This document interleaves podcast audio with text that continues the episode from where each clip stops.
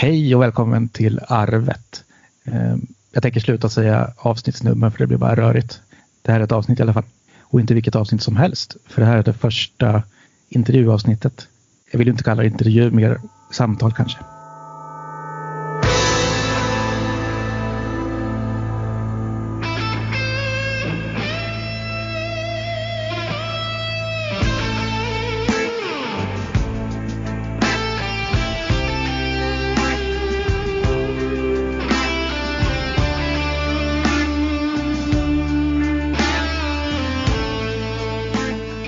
Idag har jag inte mamma här utan idag har jag Jerry Prytz, musiker, standup-komiker och skribent från Linköping. Han har levt i 56 år och säger att han alltid mår dåligt. Så hej Jerry! Hej Dennis! Hej! Hur mår du idag? Jag mår bra. Jag mår ju alltid bra. Ja, det är så. alltid ja. skit och alltid bra. Ja, med ganska, ganska vad heter det, jämna vågor sådär. jämna plågor. Ja, verkligen. Så Men eh, vi kanske ska börja med något trevligt. Hur vi känner varandra eller träffades kanske. Har du ja. koll på det här fortfarande? eller ska jag dra historien? Jag vet inte jag minns, jag är så gammal. Men du måste ja, ha Folkets hus i Motala göra kanske? Eller? Exakt, Folkets hus i Motala. När jag bokade lite artister där. Jag bokade er ett par gånger. Eh, Cirkus Prytz, ditt band. Där ja. spelar du bas, eller? Ja. ja bas, du har den framme där. Underbart. Ja, en av dem. Jag, jag bor tillsammans med typ 15 elbasar eller någonting sånt där. Ja, Okej. Okay. ja, underbart. Ja. Något, något ska man samla på. Ja, det har blivit så. Alltså jag har sålt några genom åren sådär. Jag kanske inte ångrar alla, men ganska många. ja, det är otäckt det där att sälja sina kära ägodelar. Ja, men så, är det faktiskt. Alltid. Så är det faktiskt.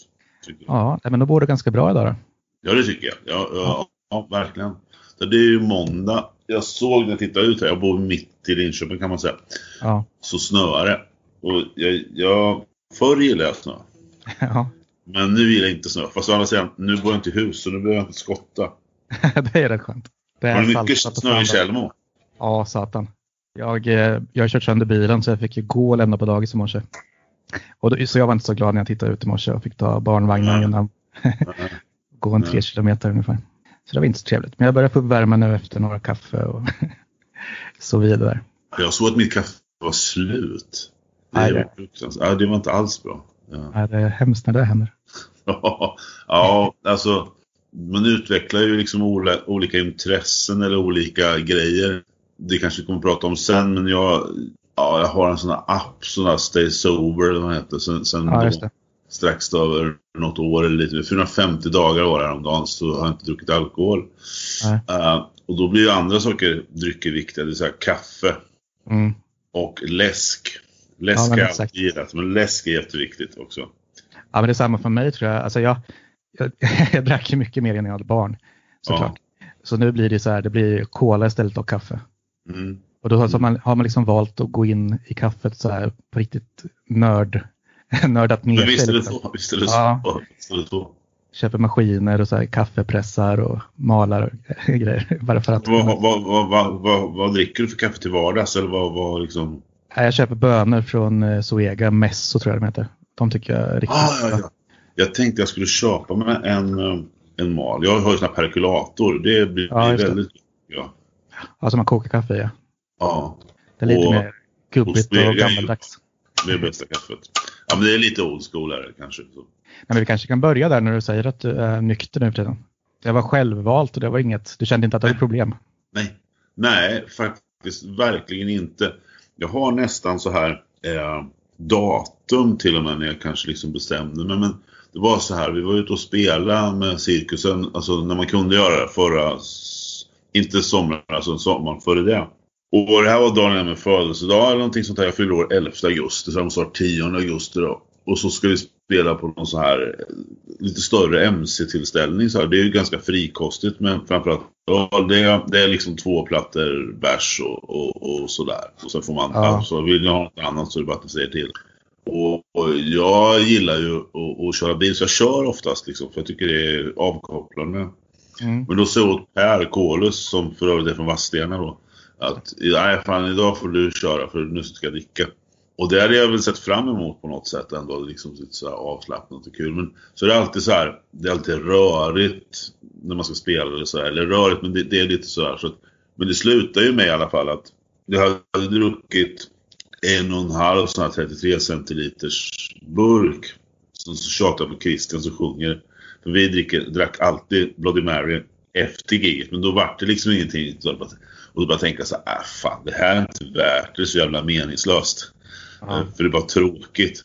Men det hade i och för sig föregått som en annan. Jag har en god vän som heter Ulf Ivarsson, kallas för Rockis, som spelar bas med Tåström bland annat. Han är fantastisk basist och medmänniska. Han har lagt av dricka något år innan eller så. Och vi pratar periodiskt ganska mycket med varandra. Jag ser upp till honom för att han är så fantastisk musiker och en väldigt fin medmänniska.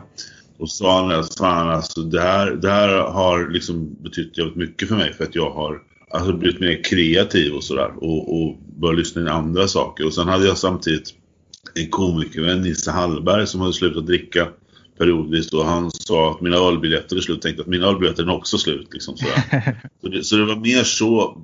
Det är en grej och det, bör man, det är också man blir vaksam på det när man tittar runt så här, för det ställer ju till i huvudet på en. Så mm. får man börja ifrågasätta sig själv. Vad är jag i de här sammanhangen? Och kan jag sitta här på den här? Jag tycker ju om att sitta på barer och sånt där. Jag vet, alla de där grejerna, de där frågorna man börjar ställa så då blir det lite existentiellt. Så det gick så jävla långt, eller i somras här. Jag snackade med en polare som varit nykter alkoholist i jättelänge. Och så frågade jag, men kan jag gå på AA? Alltså anonym ja. alkoholist. Fast jag är inte alkoholist. Ja, det kan du göra. Så för att jag börjar prata med någon känner jag. För att det här skapar, skapar så mycket frågor i huvudet på mig. Det är, det är nog mest liksom jag som, som har problem med det. Liksom, eller, eller, eller inte problem med det, men nej, alltså, jag, jag, tyckte det var, inte jobbigt på så sätt, men det, det väcker så mycket andra frågor. Sen om man tittar sig runt, om man går runt i stan så, här, så och så börjar man fundera, men här ligger ett ställe, där dricker man alkohol, där dricker, så, så tycker man att det tar så stor plats i folks liv. Ja. Eh, det är helt okej. Okay. Men jag vill inte ha det så. Jag vill, jag vill inte ha, alltså jag tar den här platsen. Och sen när man börjar skriva om det, för då, jag vet jag skrev det på Facebook då sådär. Så var det väl en, ja, det var jättemycket interaktioner, flera hundra. Fick man, jag var med i Radio Östergötland sen och pratade om det. Men då var det så här mycket folk som håller på med musik. Som har slutat och lagt Fan bra jobbat, bra jobbat. Skitmycket liksom känner alltså, mycket feedback av och, och folk som har slutat. Av massor med olika skäl. För att det kanske inte är bra, för att de kanske trivs med det och lägga fokus på annat och sådär. Så det var ett långt svar på en kort fråga, men nej, men det, var, det var ett eget beslut. Ja, men det är mycket så här, alltså, om man är kreativ, man kan ju tycka att man är jättekreativ och duktig, men sen morgonen efter så har det ju bara blivit skit av alltihop. Om man nu dricker i ett sånt syfte ja. liksom. Och du som ja. har varit i den svängen och varit ute och spelat mycket, jag tror man får se ganska mycket fylla. Och jag kan tänka mig att man blir, får ganska mycket avsmak för det. Ja, alltså, ja, det, det kan man minst säga. Ja. Ja, jag vet inte om vi ska dra sådana här stories, men det spelar på ställen, jag ska inte, jag ska inte tala om vart det ligger. Eh. Det är på andra sidan Vättern i alla fall. Mm. Uh, lite ställe, så det är så här bösställe så här. Alltså, rätt kul med folk kommer sent och så här. Och så kommer det ner en, en donna, eller kommer ner, hon liksom bara landar rakt ner liksom vid vårt bord där vi sitter emellan två set. Och så har hon sån här Kleopatra-peruk, du vet. Så här, avklippt, eller Loreen så här, va. Fast det här är sån här julgransglitter. Och så, och så bara, hej! Så, ja, hej då. Så. Jag fyller år då. Grattis! Så, lite av så. Jag har redan knullat fyra gånger.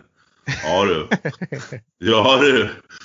Det var ju kul, men det blir inte en femte och inte med mig i alla fall. Liksom. Men sånt Nej. får man ju Allting hängde löst på den här tjejen. Som, det kan man ju garva åt, men det är egentligen rätt ja. tragiskt. Alltså, det är rätt, jag, jag har en son som är 19. Mm. Och jag menar, han är ju, han, nu är han tjej och sådär och ganska men de är ju ute och gör grejer och sådär. Det händer grejer. Han är ganska så här, vi har, vi har väldigt, väldigt fin kontakt. Så han anförtror sig, men han berättar grejer som händer och sådär. Och jag, det är ju helt okej okay grejer som händer när man är 19. Men mm. kanske, de grejerna kanske är okej okay tills man är 25. Och sen så när man börjar komma upp i 40-årsåldern så ska man bara undra när man är liksom, som jag då, som passerat 50. Uh, då är det rätt patetiskt liksom. Det räcker ju när man passerar 30 någonting och liksom ska vara vuxen. Ja, precis. Ja, men då känner man sig ganska löjlig när det Speciellt om det går fel, liksom lite för full och säger ja, ja, Då är det inte roligt att ta det sen. nej, Det är nej. hemskt. Nej. Men jag, med alkoholen där, jag har ju varit, jag har ju lite i familjen alkoholister och sådär. Okej. Eh, och så jag har alltid varit på min vakt. Mm, Och jag har haft de här perioderna jag har druckit väldigt mycket faktiskt. Men mm, mm. jag håller ju alltid så att det inte blir, det får inte bli något problem liksom. Nej. Och, och med det, alltså i ryggsäcken så vart det ju så fort man fick barn, då vart det betydligt mycket lugnare. Alltså. Då kan Mm. man ju inte, man vill inte utsätta någon som man själv har varit med om. Liksom. Nej. Det får man ju passa sig för. Mm. Nej men det, är väl inte, det låter väl vettigt, det är ett starkt beslut ändå. Eller det är det ju inte, eller vad ska man säga, det har blivit så normalt med alkoholen. Liksom. Man ska dricka när man är ute. Och, Ja. ja, så det blir liksom den normen. Tycker, jag- tycker jag, precis, men jag tycker att det har ändå det har, det har ökat att folk liksom väljer bort det. Tittar man på Systembolaget som jag kan tycka är en ganska konstig inrättning egentligen. Ja, så har det- de mycket alkoholfritt och sånt där. Mm. Och så. Men jag är ju lite så här, men jag köper, jag börjar köpa lite alkoholfritt öl så här för att jag tänker, tankar inte blyfritt i en sportbil, då kan du lika gärna. Jag kan ju egentligen, alltså, men det är lite som istället för, sådär, det är ungefär som Ja, men om man är så här rabiat vegan eller vegetarian. Alltså det är, man gör som man vill men jag kan ju tycka det är konstigt att man gör en kålrot som liknar en julskinka. Varför inte bara göra en kålrot? Ja. Det är samma sak här. Varför, jag, alltså, och jag, jag gillar ju läsk som vi sa tidigare och, och, Mm. Och juice och sånt där. Jag kan ju dricka det. Alltså mig bekommer det inte. Men det är ju olika. Ja, men lite så är det ju. Det beror på, alltså typ vid sociala tillställningar så här, om som jag tar bilen någonstans, då kan det ju ändå vara trevligt liksom. Så man får den här Ja. gemenskapen. Men jag fattar ju precis vad du säger, att man kan precis lika gärna ta en cola då. Spelar ingen roll. Det är som en, en, en god vän till mig sa, hon, hon, hon har rört sig mycket i samma värld som jag har gjort. Hon, hon, hon tycker det är bra att det finns alkoholfritt öl för då behöver hon liksom inte bli ifrågasatt. Nej, just det, det är perfekt när man spelar ja. Det ser det ut som man Ja, precis. super i alla fall. Så jag hade aldrig brytt mig om det där med liksom, alltså sociala koder och det som förväntas att man ska göra. Så det, har, jag- det har jag skitit i. Ja, men det, det är väl det bästa man kan göra egentligen. Ja. Men jag tror att, att även alkohol och sånt där kan ju vara liksom grunden till mycket ohälsa och ångest och sånt där. Ja, gud Så ja. väldigt, väldigt mycket. Eh, Och då är det ju bättre att plocka bort det. Ja, helt klart. Jag märker ju det jättetydligt. Om jag liksom vaknar upp bakis en söndag eller någonting, då mår man ju skit, alltså psykiskt. Mm. Och det kan ju sitta i då. Men liksom, man mår ju jättebra om man dricker, då så framkallar man det här Ja. bra.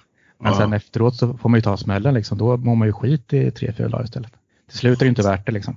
Nej men så är det ju inte. Speciellt om det kan ha hänt saker. Nu har det ju hänt genom åren jävligt mycket roliga saker. Ja, men Det precis. ska, det ska inte, det ska inte liksom förne, för, för, förnekas. Tvärtom. Det är, jag, jag, jag, alltså, det är skitkul tycker jag. Det tycker jag fortfarande. Mm. Om man, om man är ute och spelar och man spelar på en festival så träffar man andra band så här, som man känner eller så, här, så, så blir det ju kul. Fast det blir ju kul ändå. För mig är det nog viktigt. Sen, sen, eh, men jag lever ju själv sedan något år tillbaka. Sådär. Eh, och försöka träffa någon då. För, för du är lite vaksam sådär om de här, nu gillar jag ju kvinnor då. Sådär. De, här, de här kvinnorna kanske dricker. Mm. Och en del har ju faktiskt problem fast de inte vet om det. Jag påtalar aldrig för någon så här, eller någonting sånt. Men jag skulle tycka det var jobbigt att vara tillsammans med någon som, som drack jävligt mycket. Och jag har ju kvinnliga vänner och brukar säga, ni är beroende av bubbel liksom. Ja. Ni är beroende av bubbel och har, har liksom mer ångest än man kan få in i Globen liksom. Nu får du fan sluta. Ja. Jag vet jag sa det till någon kvinnlig standup-komiker, hon var skitförbannad. men men, men det, det, det är inte så, så. Man ska, man ska ju liksom man ska väl ta bort det som är dåligt i livet och lägga till saker som är bra. Mm. ja, men helt klart. Kan jag tycka. För min del i alla fall, och säkert för många, så har det nog hand- handlat om en ganska osäkerhet. Man blir mycket tryggare när man dricker och Ja. liksom vågar prata med folk och sådär. Men sen när man blir lite äldre och lite tryggare i sig själv så går det faktiskt lika bra utan alkoholen. Så det gäller nog att hitta lite av det också för att man ska liksom våga ta steget då och sluta dricka. Men li- lite sånt spelar nog in också kan jag tänka mig. Ja, men så är det. Jag har ju varit ganska, alltså alltid varit ganska, eh, på ett sätt så är jag som alla andra människor blyg och sådär, kan vara osäker. Mm. Men jag har ju varit ganska liksom, alltså, alltså inte blyg. Så sen, sen kommer jag har ju skrivit så jävla länge och framförallt intervjuat artister och sådär. Så jag, det har, har ju aldrig varit konstigt utan man Nej. bara liksom adresserar folk eller jag kan gå fram till folk så här i, Mm. i rätt sammanhang. Jag minns vad jag tänkte på det och det var ganska aktuellt för att han fyllde väl 77 eller 75 John Paul Jones och lirade bas i Led Zeppelin. Är någon slags Ja. Han stod backstage med Josh från Queens of the Stone Age och David Grohl. Och David Ja. Grohl är känd för att vara jävligt trevlig och liksom så här gå och prata med Josh är kanske lite mer av en löskanon om man säger så. Mm. Han mår verkligen inte bra. Liksom, han är ganska öppen med det. Han, man kan följa honom på Instagram eller sådär. Eh, hur som hur så Alltså jag vågar inte gå fram till John Paul Jones. Nej.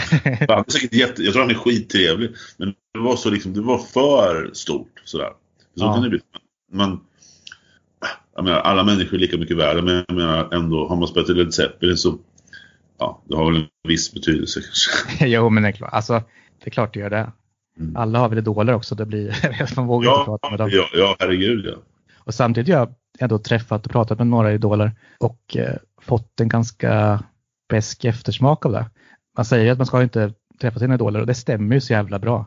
För man bygger liksom upp en, alltså man tror att den personen är på ett speciellt sätt. Jag har träffat, jag vet inte om jag ska hänga ut någon, men både Markus Krunegård och Jonathan Johansson som jag verkligen så här, det är verkligen Mm. idoler som jag älskar. Och båda gångerna jag träffat dem så har de varit ganska otrevliga liksom. Mm. Alltså så, här, så, att, så att de är störda liksom när man kommer och pratar. Och, så här. och eh, det kan man ju absolut förstå. Men ändå så här, det förstör ju ändå för dem att vara så. Det hjälper ju väldigt mycket att vara bemötlig och i alla fall bara hälsa och krama Ja, ja.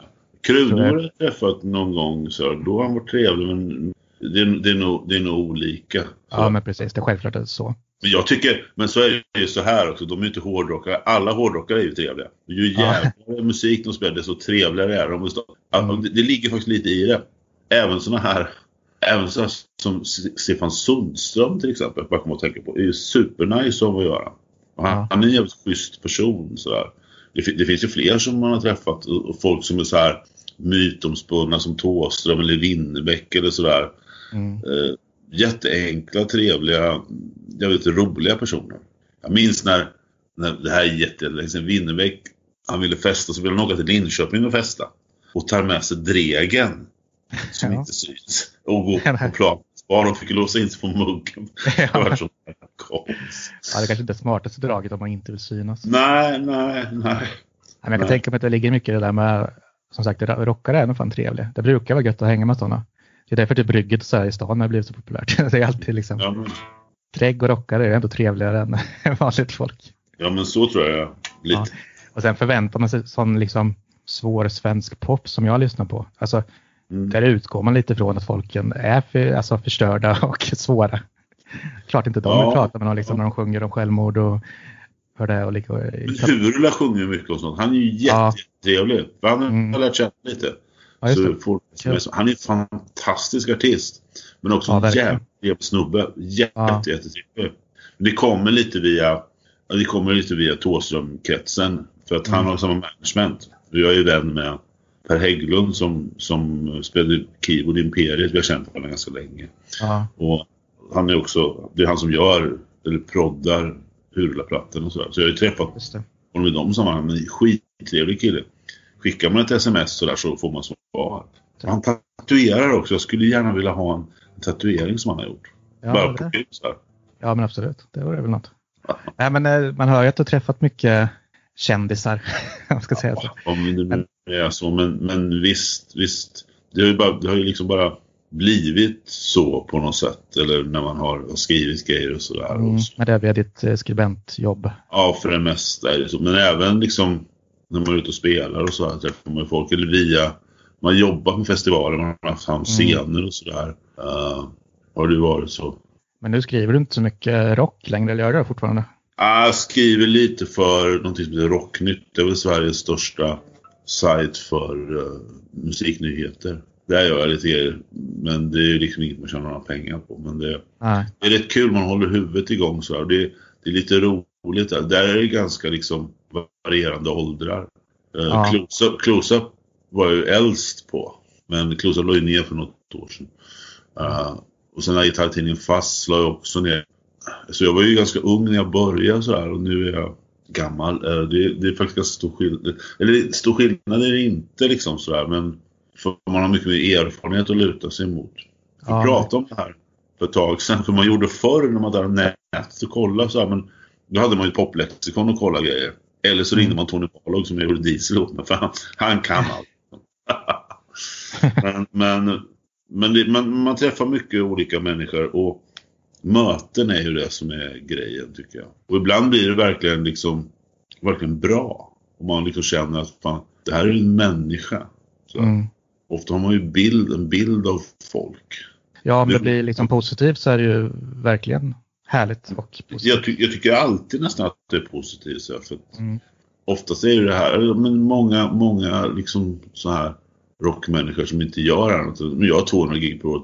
De är ju jävligt liksom trevliga, belästa. Eller mm. har, har, sett mycket om man, om man är lite intresserad. Det är jätteintressant. Jag har en god vän som heter Michael Amott som spelar på som heter Art Chapman. De, de, de, de gör flera hundra spelningar per år eller så på en skiva eller så. Han är utomlands mycket. Det är jättekul att prata om hur fan ser man på Sverige liksom utomlands? För det, det tänker man inte så mycket på här. Då fattar man liksom att vi är ett jävligt litet land. Ja, ja precis. Men alltså, det handlar väl om intresse egentligen. För ja. de här som spelar och det är klart att om någon vill prata om deras musik, det är klart att de tar sig tid och liksom är trevliga. Ja. För annars, de har ju inget annat. Det är väl hur bra som helst. Nej, nej, och, och, och det är väl också så här, det var ju skitkul när jag jobbade för fast som var en gitarrtid, den handlar ju om, om strängar och, och, och, och sladdar och sånt där. Det vill ja. ju alla prata om. De vill ju prata om sina sladdar och strängar och sånt där. Det ja, klart.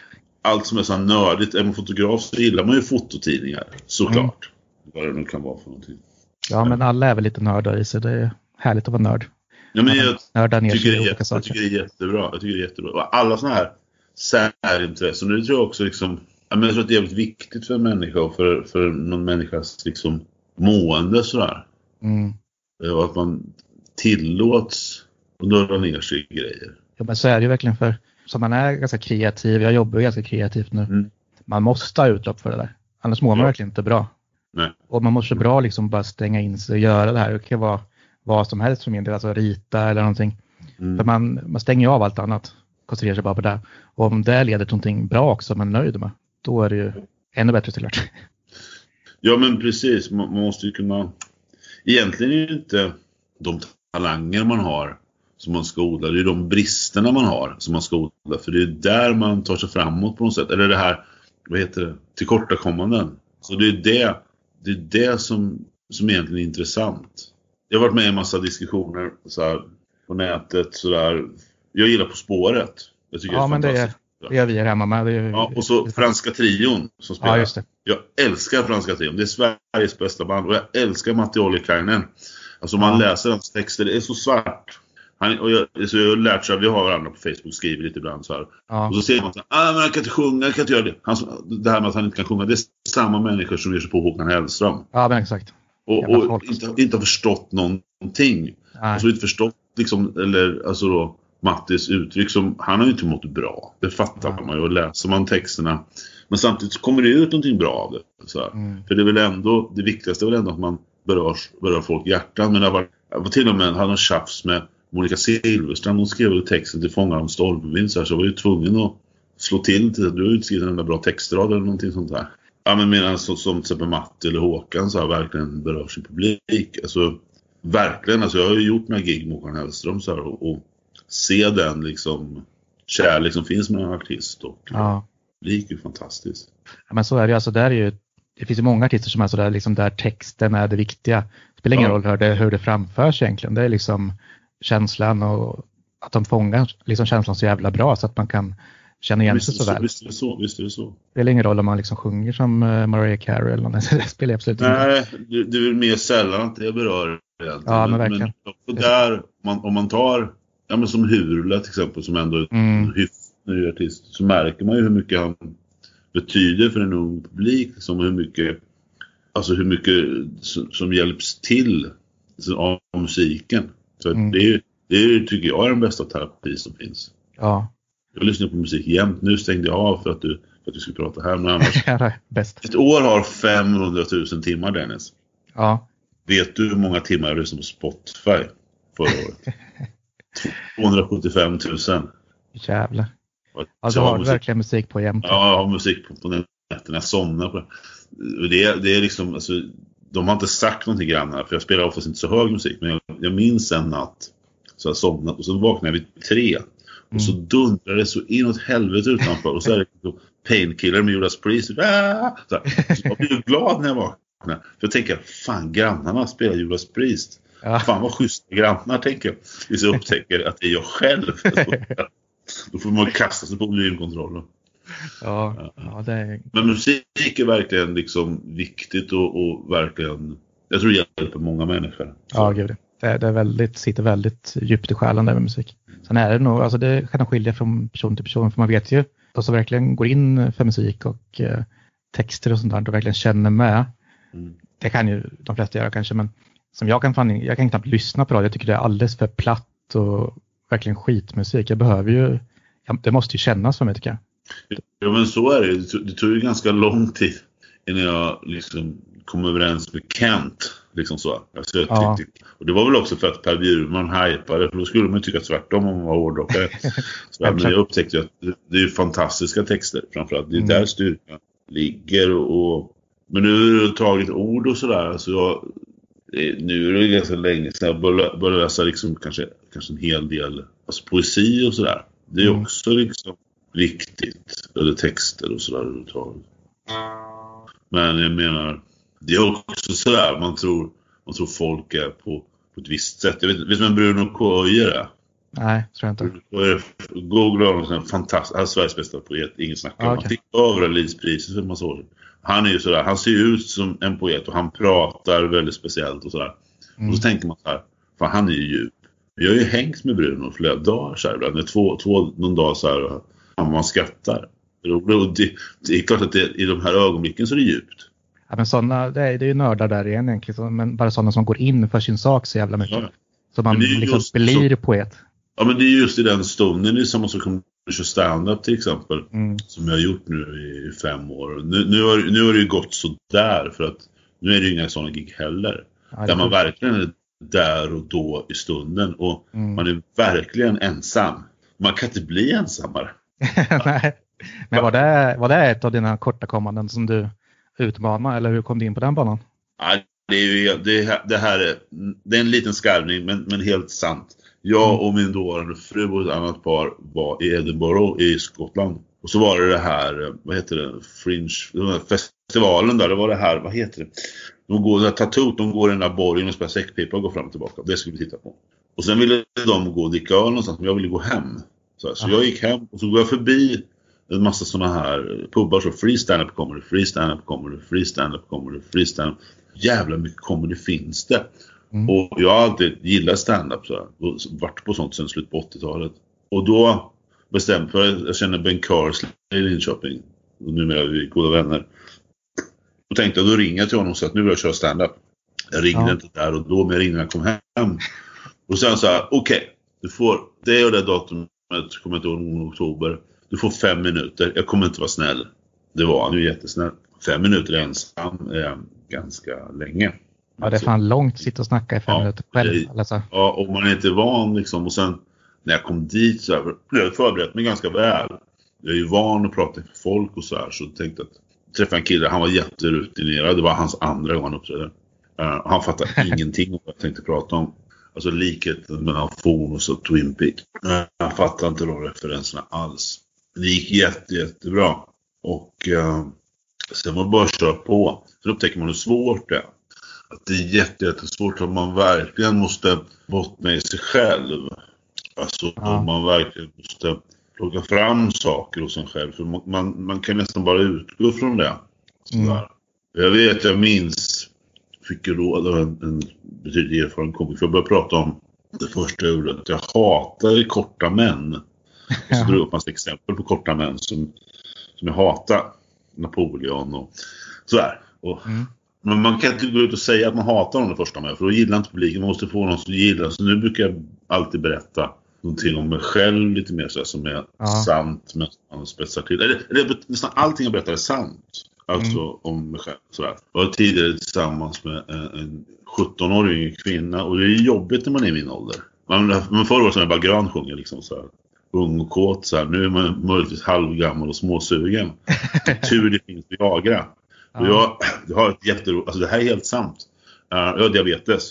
Haft ganska länge.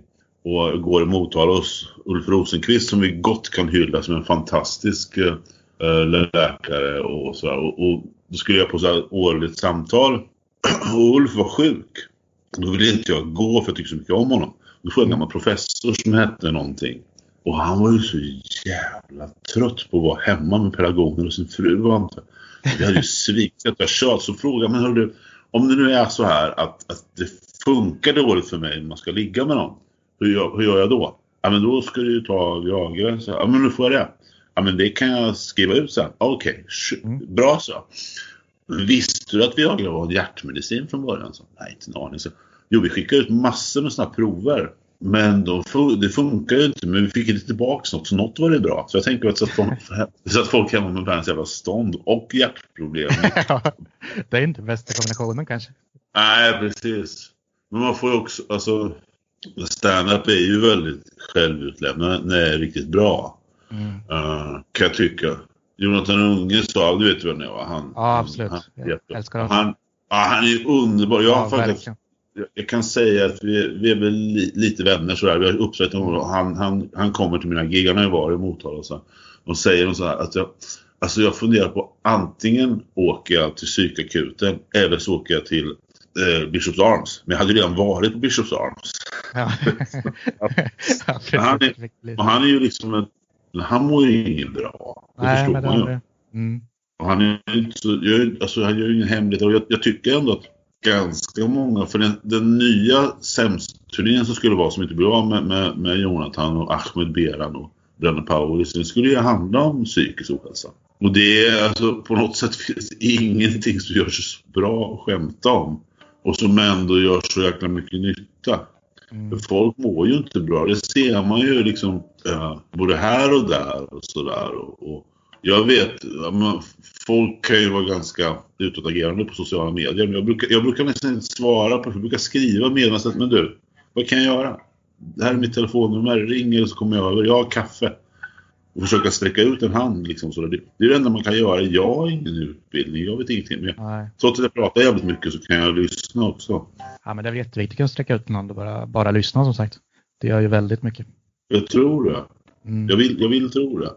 Uh, och det är den här tiden vi lever i med det är alltid nedstängt och man, man ska inte träffa någon så eller så mycket. Uh, triggar någon fram jävligt mycket kan jag tänka mig. Ja men det är nog så. Man får tillbringa mycket tid med sig själv och hemma bara. Det är bara sådär, sådana som är vana med att jobba och åka omkring mm. och skit och bara sitta hemma. Det blir nog, det är nog många som mår skit av det. Jag tycker det är skittråkigt för att jag åker, har ju åkt omkring jättemycket så här man gör standup mm. man åker och olika jobb och sådär. Och alltså, ja, man, nu är man glad om man kommer till Lidl liksom. På andra ja, exakt. ja. ja, men alltså det blir en, ja, det blir ett helt annat liv verkligen. Det är en stor prövning för mänskligheten tror jag. För att vi är ju trots allt ett flockdjur. Även om, även om jag värderar liksom att vara själv eller om man säger sådär, vara ensam så rätt så högt. Så är ju människan ett socialt djur. Ja men så det Man behöver träffa lite folk. Ja. Samtidigt om man är lite ensam varg så har det ju varit som, som både jag och mamma egentligen, vi pratade om det förra avsnittet tror jag. Mm. Att det har ändå varit lite smått av en lättnad då att man inte behöver någon bortförklaring för att inte ses liksom. Nej, ja, men om man är lagd så. Så det, det har ju ändå hjälpt lite. Då har jag liksom kunnat vara hemma och fokusera på det jag ska göra istället för att vara ute och festa eller ja, fara omkring. Så det är lite både och. Kan jag tala om att Jerry reste sig upp. var klädd i kalsonger och jeansskjorta för att gå och hämta lite vatten. Ja, det är så. det är så, ja. Det är så de flesta jobbar. Så. Ja, det är klart. Det är så. Det är, det är också en positiv sak att man inte behöver klä på sig för att ha möten nu när man sitter hemma. Precis. Nu brukar man skoja ganska mycket men det, det stämmer ju ja. faktiskt. Ja, men det gör det. Ja, men det, det, är nog så att det ändå varit lite positivt för en del. Fast som sagt, det är nog fler som eh, lider av det. Alltså som saknar ja. sina arbetskollegor och allt sånt där. Ja, det där är ju liksom kan vara en avvägningsfråga ibland tänker jag. Ja, men absolut. Nu märker man ju, alltså det är ju mycket prat om det här med alltså, psykisk ohälsa och sådär. Det, mm. det aktualiseras ju oftast när det är jul och sånt där. Jag hade gärna i år velat ja, typ hjälpa till någonstans med sånt här. Men det var ju inte ens sådana grejer. Alltså så Stadsmissionen så hade ju ingenting. Nej. Och det är lite trist. Jag gjorde liksom ingenting typ. Ja, det är nog väldigt svårt nu som sagt. Man inte får ses och sådär. Men det är ju som sagt, jag tror det har blivit i alla fall bättre och mer. Det är fler som pratar om det idag. Ja. Än vad det var för ett tag sedan bara. Och det är nog väldigt viktigt att bara känna att, för jag är ganska frikostig med vad jag säger och hur jag mår. Eh, det har det som tur var blivit mycket bättre. Men bara att kunna prata om det och liksom att andra får höra hur man mår. Kanske jag kan känna igen sig och veta att det bara är fler som mår skit. Ja, Det kan man komma ganska långt på ändå. Att man liksom bara, ja man är inte ensam i det här liksom. Nej, men det är nog, det är nog väldigt viktigt. Och med, och det tror jag liksom sociala medier är bra också. Ja, Mm, ja, ja, man får ut för det om, om det inte blir för mycket liksom så här Mm, självömkan. För det kan bli lite jobbigt ibland. Eller man tycker, Ja. fan, ibland så blir det lite mycket ilandsproblem av det. Men jag har en, en god vän får jag ändå säga som, som, eh, som heter Hans-Erik Dyvik Husby. Hank von Helvete. Han sjunger Turboliga Hank von Hell som heter numera. ja, Och Häll är ju rätt kul för det är ju inte helvetet. Det är ju en liten by där han uppvuxen. i Fiskeby någonstans vid Lofoten någonstans. Bor Ja. 11 personer eller något sånt där. Nej, det är lite fel. Eh, och han ju, har ju varit ganska tydlig med att han inte mår bra. Uh, Ja. Sådär i perioder. Och sådär. Uh, och det här med själv. Han var ju kompis med han den här som var gift med hon Mette-Marit. Han Ari Ben eller något som tog livet av sig. Så han har ju dragit igång något som heter Out of Darkness eller Out of the Darkness. En hashtag så. mm, Som jag var med i någon video han har gjort. Han sjöng och låt. Det det var massor med folk, bland annat de här från Jackass och lite sånt där. Det var, det var Ja. lite, lite roligt. Men, men han är ganska tydlig med och, och tar, tar den pucken liksom att man, man mår inte bra jämt sådär. Jag vet också Mustasch du vet som den här glada liksom rockare så han gjorde ju någon singel också för även med en psykisk ohälsa och sådär. Så det, så det blir liksom mer och mer och, och det är bra att vi kan prata om det. här Det- det, det- verkligen inte vara tabu på det här viset. Att man liksom Nej, nej. skämmas. Och det, det, det är lätt för mig att säga som, som inte mår dåligt. Jag är liksom inte lagd åt det hållet. Jag kan väl fundera och grubbla så mycket men alltså jag mår inte dåligt av det. Så jag vet inte varför. Men jag tror, alltså jag är uppvuxen i Fornåsa. Det, Mm. Bara det är ångest. Liksom, ja, exakt. Då kan man fan inte må bra. I unga år. Jag var den enda som hade rött hår. Jag gillade fotboll. Så, och det var det som fanns plus liksom Betelkyrkan. Så Betelkyrkan var bra för att där fanns det gitarrer och förstärkare och de fick vi för OSen. då. Ja, Så det har nog betytt ganska mycket. Nej, men alltså för det, det var ju liksom ett, sammanhang som man inte hörde hemma i sådär. Men man hittade sin plats senare i livet sådär. Men det var ju inte så jävla enkelt. Men jag har aldrig liksom funderat på så mycket. Så. Men, men jag är liksom inte, jag är inte lagd åt det hållet. Det ska man vara glad för naturligtvis. Men det kan ju komma som en brev på posten liksom och ramla i en massa hål. Men jag vet inte för att, alltså jag tycker musik är världens bästa terapi. Alltså vi snackar om texter och texter. Jag, jag är ju så här. Alltså jag läser mycket texter liksom sådär. Alltså Ja. verkligen. Och kan bli helt tagen av, av, av liksom ord och sådär. Och sånt som folk skriver. Jag lyssnar ganska mycket på en snubbe som heter Mark Lanegan. Han sjöng med ett band Screaming Trees. Han sjunger lite med Queens of the Stone Age också. ja, Vi är jämnåriga och han har inte... Man ser skillnad mellan han och mig. Han har mer tatueringar. Han har Ja. två guldtänder här. Och han har all, inte börjat dagen med en bra frukost varenda dag om man säger så. Uh, nu, hans självbiografi finns att lyssna på på Youtube. Men det finns en bok också. Jag tror jag ska köpa den. Han var kompis med han den här kocken du vet som gjorde de här jättebra reseprogrammen. Anthony Bourdain eller vad han hette. Han hade någonting så här, ganska rockig snubbe, New York-snubbe. Som faktiskt tog livet av sig för 2018 tror jag var. Ja, han skriver lite om de var polare. Så det finns lite avsnitt när de sitter och snackar och sådär. Och jag tror ändå liksom att om, man tar, om vi går tillbaka till det med texten, hur, hur det kan hjälpa till när man känner igen sig. Mm. Alltså rocktexter är vad det är. Det är, det är bara rocktext. Men det är bra om man kan säga någonting eller hjälpa någon. Eller beskriva någonting. Vi gjorde en låt på våran, eller senaste eller förra plattan, vi ska behöva en ny. Som heter Leave Me Alone. Det, det låter som något som Sist Stopp skulle kunna ha gjort. Ja. Men texten är ju någon slags, dels någon slags så här libertariansk frihetsgrej men också det här att, ja vad fan liksom om chefen är dum i huvudet liksom så här, fuck you, leave me alone liksom. Det, det är mycket så. Det är som ett så här, så här. Fast positivt. Så att man, och, och det, var, det blev väl tanken så här som Christian och jag som skrev texten. När jag skrev utkastet så såg han till att det passade hans röst. Men att det var väldigt viktigt att man kan tala om för folk, fan du är viktig liksom. Så här, mm. Skit om andra liksom säger att du kan inte göra det här, gör det i alla fall. För att liksom, ja. hej, leave me alone så här. Nu vill jag göra munskydd det ska stå leave me alone på tänkte jag. ja, ja, det är, men, men, nej, men det, det är liksom på något sätt det behöver inte vara så mycket mer än så för att man ska liksom peppa folk eller på något sätt. Kent är lite svårare att förstå kanske. ja, men precis. Det blir ju, jag tror ju som du säger att eh, rocktext är rocktext, men om man har någonting där det, det är kanske är lätt att missa om man bara lyssnar på det. Men ja, som du säger, om man liksom läser och går in för texten så kanske det finns någonting där att hitta faktiskt. Det, det tycker jag verkligen. Och jag kan ju gilla lika mycket någon så här enkel, alltså Chuck Berry skriver fantastiska texter. Men så kan jag tycka att det finns det, alltså jag har lyssnat så mycket på Dylan sådär, det är inte riktigt min grej, det går lite för långsamt och sådär. Men det finns ju andra. Nej, jag inte, eller inte ens jag tänkte säga, men jag har heller aldrig fastnat för Dylan faktiskt. Det är lite för svårt. jag orkar liksom inte lyssna igenom skivan. det är för långsamt. Jag, jag, försökte kolla, Ulf Lundell fanns ju någon konsert på SVT. Jag gillar Ulf Lundells böcker och så attityd. Men musiken alltså det är också jävligt svårt. Och han, han, jag har gjort några gig med honom. Han är ju typ världens tväraste människa. Det är, alltså han är jätterolig. Fast alltså jag, jag gillar honom men det, det är svårt så här. Men mm. det står någon och tittar rakt ner i, i, i sin monitor och liksom bara mumlar fram jättemycket ord. Menar, det, gick det går en dokumentär om helikopters. Det är lite mer, det är inte så jävla mycket tänka och de, de gillar inte ens att prata eller Nicke Andersson men spela rock under dem i alla fall. Men Dennis, får jag fråga dig en sak? När du, ja. när du inte känner att du, du mår något bra, ja. hur, gör, hur gör du för att häva det?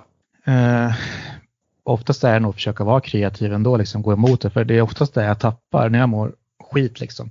Mm. Då blir det liksom som en ond cirkel. Att, för jag mår så bra i att vara kreativ. Och när jag inte ens orkar det, liksom, då faller man ju. Så det bästa är ju, nu har jag ju turen att jobba hemma så, där, så att jag kan liksom ta, mm. jag kan ju ta en dag och få må lite dåligt, liksom, jag kan unna mig det. Ja. Eh, och inte behöva ta mig ur det. Men, eh, ja, men både kreativitet och liksom musik hjälper mig mycket också. Mm. Ja, man kan ju stänga av lite där med, liksom ändå, ändå gotta sig lite i det här dåliga. för man får lite utlopp för det också, liksom att ta in, lyssna på någon deppig låt, jag lyssnar mycket på The Smiths och sådär. Ja. Och det är ju fruktansvärt deppigt. Och... Ja, herregud. Jag, ja. jag gillar verkligen Morrissey. Nu har han, ja. vet inte vad som har hänt med honom nu, men alltså folk får ju vara då får man blir som man blir. Sådär. Mm. Uh, men jag gillar verkligen Morrissey. Smith jag inte lyssnat så mycket på, men, men jag gillar mm. verkligen Morrissey. Ja, han är ju fantastisk. Men ja, men då är det så här liksom ändå, för nu är det så pass bra med mig så att liksom det är någon dag i veckan eller, det, det är lite för ofta ändå, men, eh, eller några dagar. Och eh, då kan jag inte ta det där och gotta mig, för jag liksom, gotta säger jag fel ord, men alltså verkligen leva ut det mörka, bara, mm. bara få låta det vara så som, för som, så har jag jobbat före, liksom, det är ju att ta en fylla och sen må riktigt dåligt dagen efter så jag får utlopp för. Mm. För om jag inte mm. får det utloppet som eh, finns inom mig, liksom, då kommer det bara bli så jävla mycket sämre. Mm. Då kommer det liksom senare sen med helt utan förvarning och sitter i mycket längre. Mm. Så man får tänka på att det blir bättre, för det blir, har det blivit varje gång. Liksom. Ångesten släpper ju till slut. Mm. Mm. Så i dagsläget försöker jag ofta inte ta mig ur det. Liksom jag försöker klart, självklart liksom behärska vardagen och se till att jag klarar det. Men ibland är det becksvart fortfarande när man verkligen vill ta livet av sig. Men liksom, jag tror det är mycket, mycket tryggheten nu, att man liksom har varit med om det så jävla många gånger så att man kan låta det vara för det kommer bli bättre snart. Tror jag. Och då är det viktigt att hitta tillbaks, eh, för min del är det verkligen viktigt att hitta tillbaka liksom till, ja, till det kreativa och, och eh, liksom arbetslusten. För då, då funkar liksom jag igen. Mm. Mm. För, ja, men det är liksom nu, jag tror jag börjar må mycket bättre liksom när jag har valt att ta hand om det istället. Alltså att låta det vara lite. För förut när man var yngre då var man alltså utloppen då var ju så annorlunda. Då var det ju fylla eller liksom skära sig i armarna eller. Mm, mm. Och det är ju helt fel.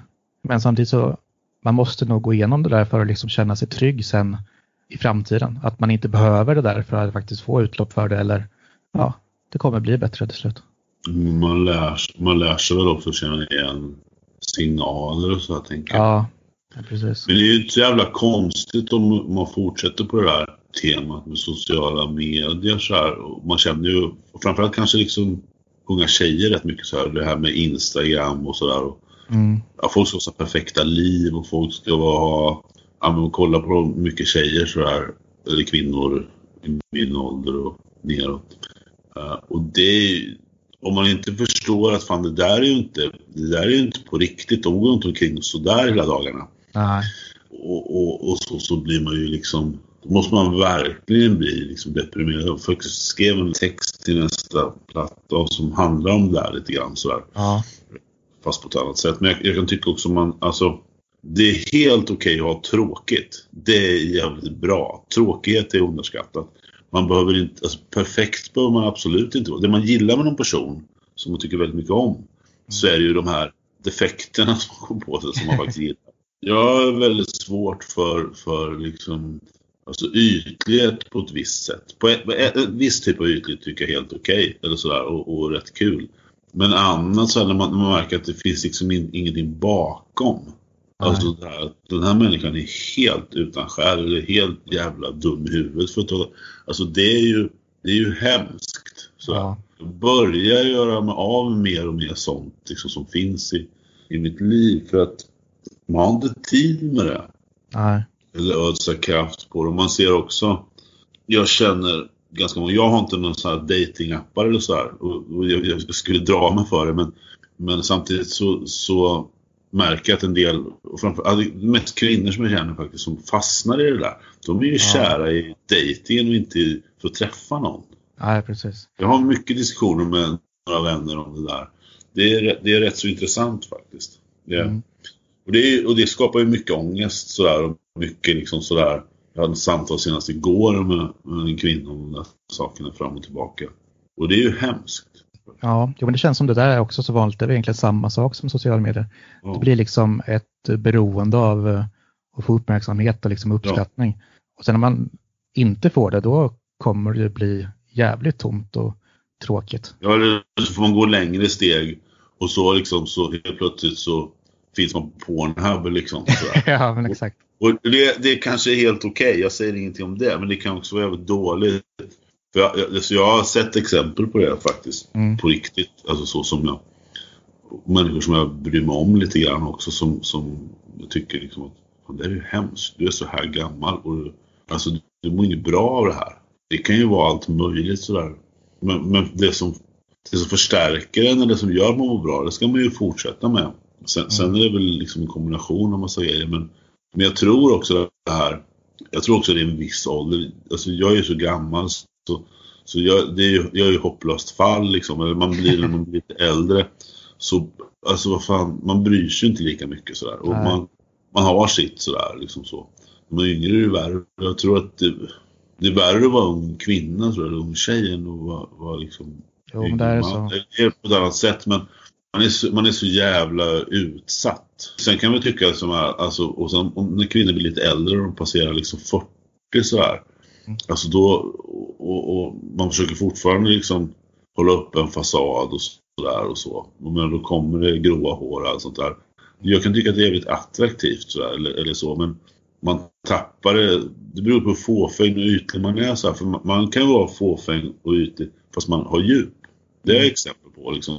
Så jag tycker inte att det är fel. Sådär. Men man måste ju ha någonting bakom och, och då, då, är det ju då är det ju som det är liksom. Det är inte så mycket, ja.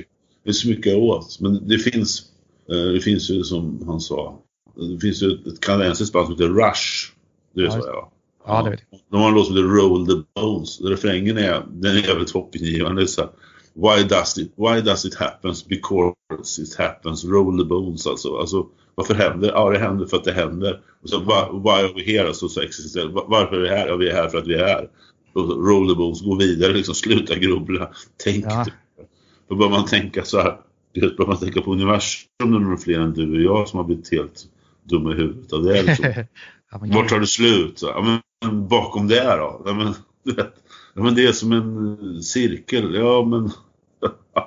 ja, men, jo, men det är verkligen så. För, liksom, för min del så har det varit också så här att jag har ju haft en del motgångar som liksom ja. kan faktiskt ja, men bara sådana saker som att förlora en flickvän, förlora ett jobb mm. som är en stor del av livet, liksom få börja om. Det har hänt mig. Liksom.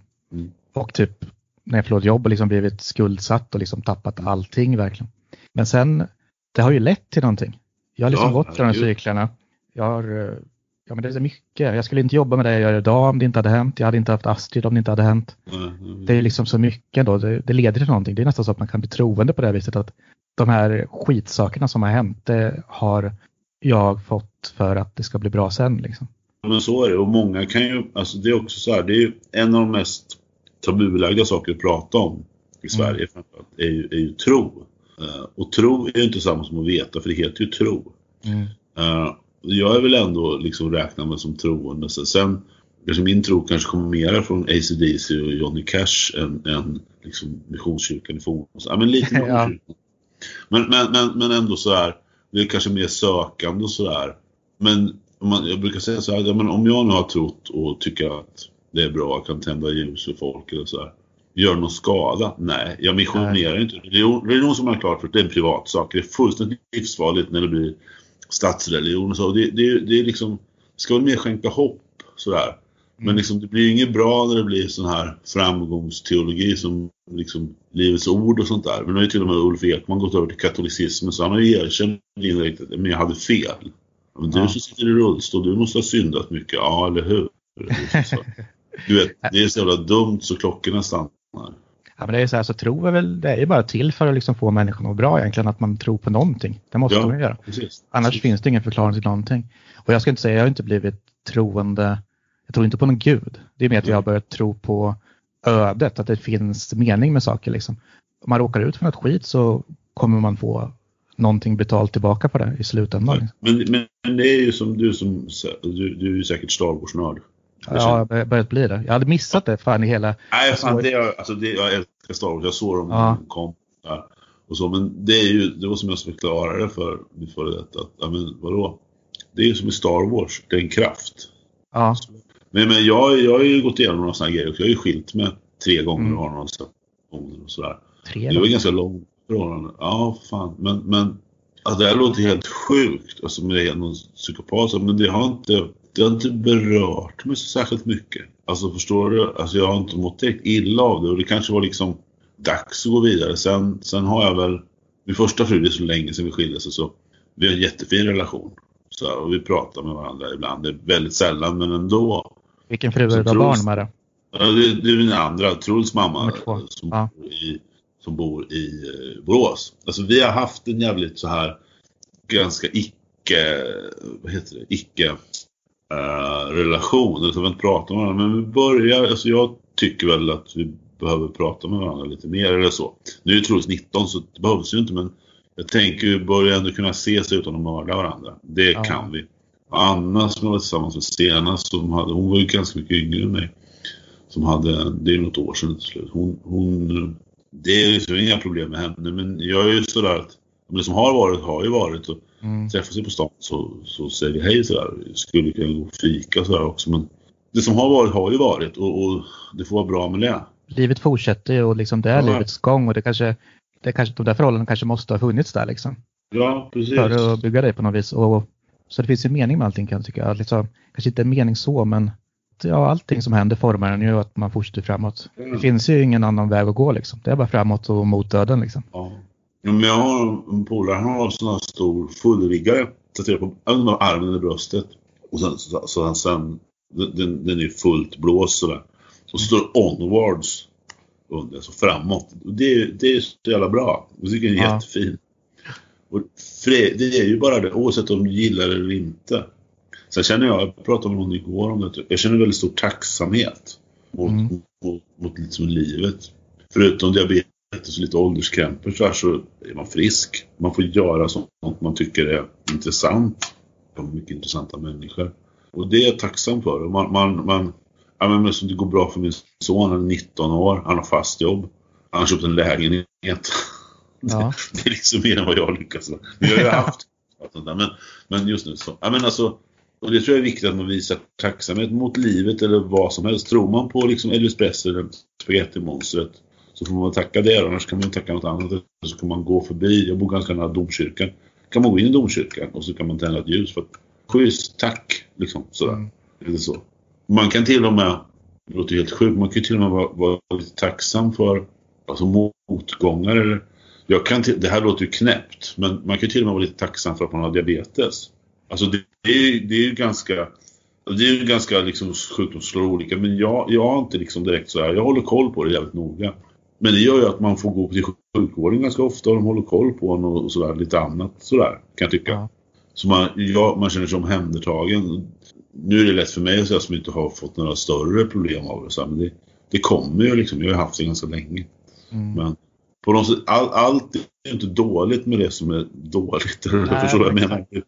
Och du säger, du säger också så bra att ja, men det har ju lätt och du har gett mig till det här. Mm. Sen har det också med att göra med du är äldre, du har barn och så här, bor i Tjällmo och sådana grejer. Det, ja. är ju, det är ju rätt bra. Ja, precis. Det blir väl så bra. Nej, men det är just det. Och sen tror jag liksom när man blir äldre, det är jävligt svårt att se att det har varit bra liksom, när man är mitt i det. Ja, herregud. Så man behöver nog bli lite äldre och liksom kunna se tillbaks på det och, och nu vart det ju så här bra. Så liksom då, allt som hänt är inte så jävla dåligt längre då, även fast det har varit dåligt. som ja, du säger. Man behöver, man behöver lite perspektiv. Sen är man ju, mm. alltså, när man är typ 23 sådär så, så är man ju jävligt skitnödig. Och då ska man egentligen vara glad egentligen att man har bott i Motala eller någon annan mindre ställe. För jag kan tänka mig hur det skulle kunna vara uppväxt och vara så gammal på Södermalm. Ja. Som nog är antagligen Sveriges mest ängsliga ställe. Mm. de är mer säkra, självsäkra eller låtsas vara på Östermalm eller Djursholm eller någonting sånt där. För ja. det är ju där man strävar uppåt. Jag tror att Fredrik Lindström gjorde den här filmen Vuxna människor för en massa år sedan. Ja, just det. Som handlar om att man kanske blir avslöjad. För så där hade jag alltid tänkt att fan man blir avslöjad. Ja, men exakt. Nej, men så där har jag också känt väldigt mycket. Jag älskar den filmen. Men ja, det liksom att det handlar lite om ångest och så där som man har mått. Men det är så här rädslan för att bli påkommen. Att man är ganska värdelös. Att jag brukar, jag brukar, jag brukar, för, jag brukar föregå det numera. Så här, att ja, men jag kan ju ingenting mer än att prata. Det är jag ganska bra på. Ja. Fast det är ju inte riktigt sant egentligen. Men, och det är inte att räkna ner på sig själv heller. Men jag, jag har lärt mig. Eller jag, jag, jag tycker ganska, jag, jag, är inte så förtjust i LinkedIn. Jag tycker det är så här. Alla är så jävla framgångsrika och det är affärer hit och dit och kors. Så jag skriver ja. inlägg ibland. Alltså jag följer, vi är också lite vänner. Han har varit som kör standup. Per Holknekt är också en fantastisk person. Som, som är öppen med att han mår inget bra och han jobbar heltid med att försöka inte dricka alkohol. Du vet. ja. ja men det är, när en sån person som många ser upp till säger sånt där och, och så. Jag, jag, jag diggar honom som fan, han är, han är en bra snubbe. Men jag tänker att, nej men alltså det här med man mår, så här, det, är, det är ju lite underskattat också att man inte liksom mår dåligt eller sådär. Mm. Så. Det är nog bra för en själv också liksom att sänka ribban ändå och erkänna för sig själv eller säga det till ja. Jag kan fan ingenting. För då, nej, alltså, man behöver inte, be, man, inte bevisa någonting. När man har så jävla mycket krav på sig själv, ha mm. inte det. Nej, exakt. Om man letar efter partner, ha inga krav på partner. Var glad om någon som vill vara med dig. Ett jävla miffo. ja, jag skrev det här inlägget för allt jag har lärt mig i mitt liv har jag lärt mig av rock. Alltså har jag lärt mig av. Och sen var det en bild på Johnny Ramone Ramones som, som det var, Ramones var ett spännande band i och med att eh, Joey som sjöng var ju mer vänster och Johnny var ju höger. Och sen så tog ju Johnny Joes tjej så de pratade inte med varandra på 18 år. Snacka om att tråkigt på jobbet. Men, men, jag, men, men, men det här med att vara med folk oavsett, liksom, nu, nu har jag spelat med, med en massa människor så man lär sig hur man ska vara mot varandra, vad man inte ska göra. Och när man blir äldre så måste det vara värt att göra grejer och man behandlar varandra vettigt. Jag är expert på att köra över folk. Men jag gör inte det längre. Jag har lärt mig att jag måste faktiskt lyssna på andra. För jag, ja. jag tycker själv, tänkte jag, jag skriver så jävla mycket musik, jag vet ju allt. Eller jag vet ingenting. Ja, men om vi kommer till dig, du har ju sagt att du är ganska, du mår ganska bra nu ändå. Du är tillfreds. Ja, jag, jag, mår, jag har liksom aldrig haft några så här, att jag har mått dåligt eller gått ner i några sådana här. Jag, jag har väl liksom alltså, men det, jag tror också det har med liksom för mig har det med uppväxt att göra. Alltså jag har alltid känt mig väldigt så här, liksom, alltså älskar mina föräldrar och sådär. Och, och, det, och det, det bör man fatta nu hur viktigt det har varit för genom livet att man har haft en styrka. Jag pratar med mina föräldrar i princip varje dag. Mm. De bor kvar i Formosa. Nu är de ju farsan är 77 och min mamma är 75. Jag, ibland så åker ut med mat och sånt där. Jag åker inte och klipper gräs och sånt där. Mat dagen. det kan du fixa.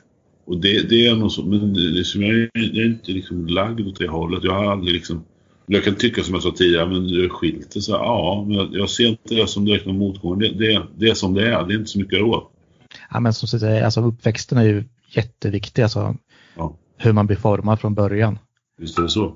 Alltså som eh, när man är så här skilsmässobarn och sådär så man känner sig övergiven och liksom rädd för att bli det igen. Så då går man alltid på helspänn i förhållanden och sånt där för att det inte ska sluta så igen. Men eftersom man oroar sig så mycket för det så är det alltid så det slutar. Ja, Så det, Ja, men förr är ju många människor om man tittar på så de, de har varit tillsammans jäkligt länge, liksom i flera år och sådär. Eller alltså eller 10, 20, 30 år om man kommer upp i min ålder. Så. Det är ju säkert bra. eh, Och, och jag har aldrig varit det. Alltså, jag tror det längsta förhållandet jag har varit 13, 14 år sådär. Så. ja, Då kan man väl så titta på det efter. Ja men det kanske var dags att gå vidare sådär på något sätt. För allas bästa. Sådär. Man gör det så bra man kan. ja. Jo, men ja, precis. Det är väldigt svårt att inse det också när man är i ett sånt förhållande. Det är det ju. Sen, sen, sen är det ju alltid en grej om man har barn. Det är ju liksom, Mm.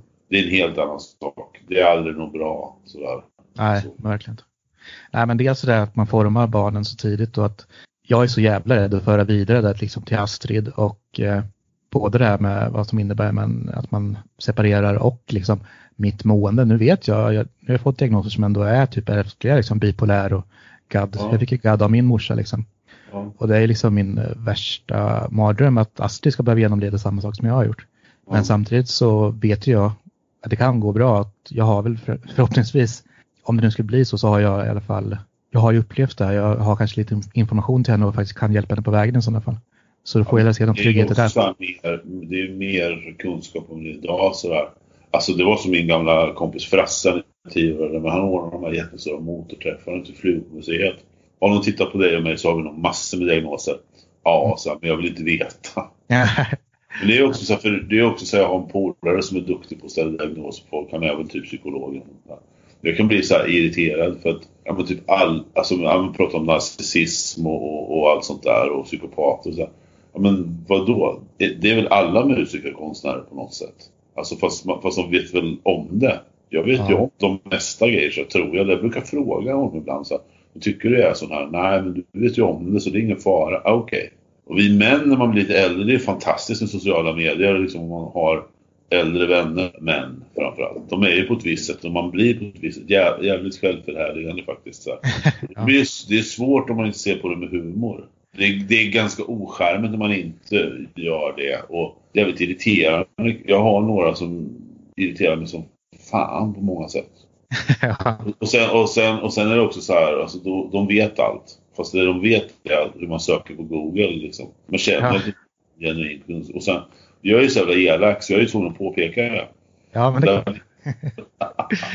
ja, men det är ju lite sådär. Men barnen är man ju alltid. Och hur gammal är Astrid? Fyra år fyllde hon nu i lördags. Ja, kalas här i helgen. ja för att ja, det är också så här. Men när de blir lite större och så här också så är det ju liksom. Vi skildes ju när Truls var fyra eller någonting sånt där. Och sen så gick det några år så flyttade de från Motala till Borås. Och, och, så vi har alltid haft ett jävligt bra förhållande här nu. Ja. Verkligen, det har blivit bättre. Det- Eller, alltså, vi har alltid haft, jag pratar med honom varje dag Mm. förut. Så här. Nu, nu är det inte riktigt, för nu jobbar han rätt mycket och sådär. Jag frågade honom en gång så här, att, hörru, du som har två föräldrar som är så jävla självupptagna och helt jävla dum i huvudet. Hur kommer det sig att du har blivit så vettig? Jag har inte en aning, sa han. Jag, jag är förvånad själv. ja. Jag har försökt en gång. Det är så jävla roligt. Jag har liksom bra och sen, ja men högstadiet var ganska buckligt sådär, kan man säga. Som det är för en kille. Det Ja, men gud, ja. Och på någon gång försökte han, har han ju sagt något att han har så då, jag har så dålig kontakt med min pappa. Och jag bara, men fan, det där är ju inte sant. Nej, jag vet det, men jag vill någon som tycker synd om mig. ja, det var ju riktigt ärligt i alla fall. Ja, men hur ser du på framtiden nu då? Vad, vad är i pipen så att säga? Nej, men vi, vi nere i Nässjö i helgen gjorde lite demos. Eller alltså vi har redan gjort låtar, men vi spelar in dem Mm. lite bättre. Det är väl helt idiotiskt egentligen, för vi ju spela in dem igen. Men vi måste sätta arrangemangen. Och uh, så vi ska göra en ny skiva. Uh, som ska komma i år. Uh, någon gång senare i höst. Nej men det är väl mest, det är väl det. Jag hoppas att, att stand-upen och det kommer igång. Så att man kan Mm. komma ut och köra lite själv. För det är ju, alltså, det är ju jävligt roligt att prata om sina, sina jag pratar om mina favoritämnen, det vill säga mig själv och nazism.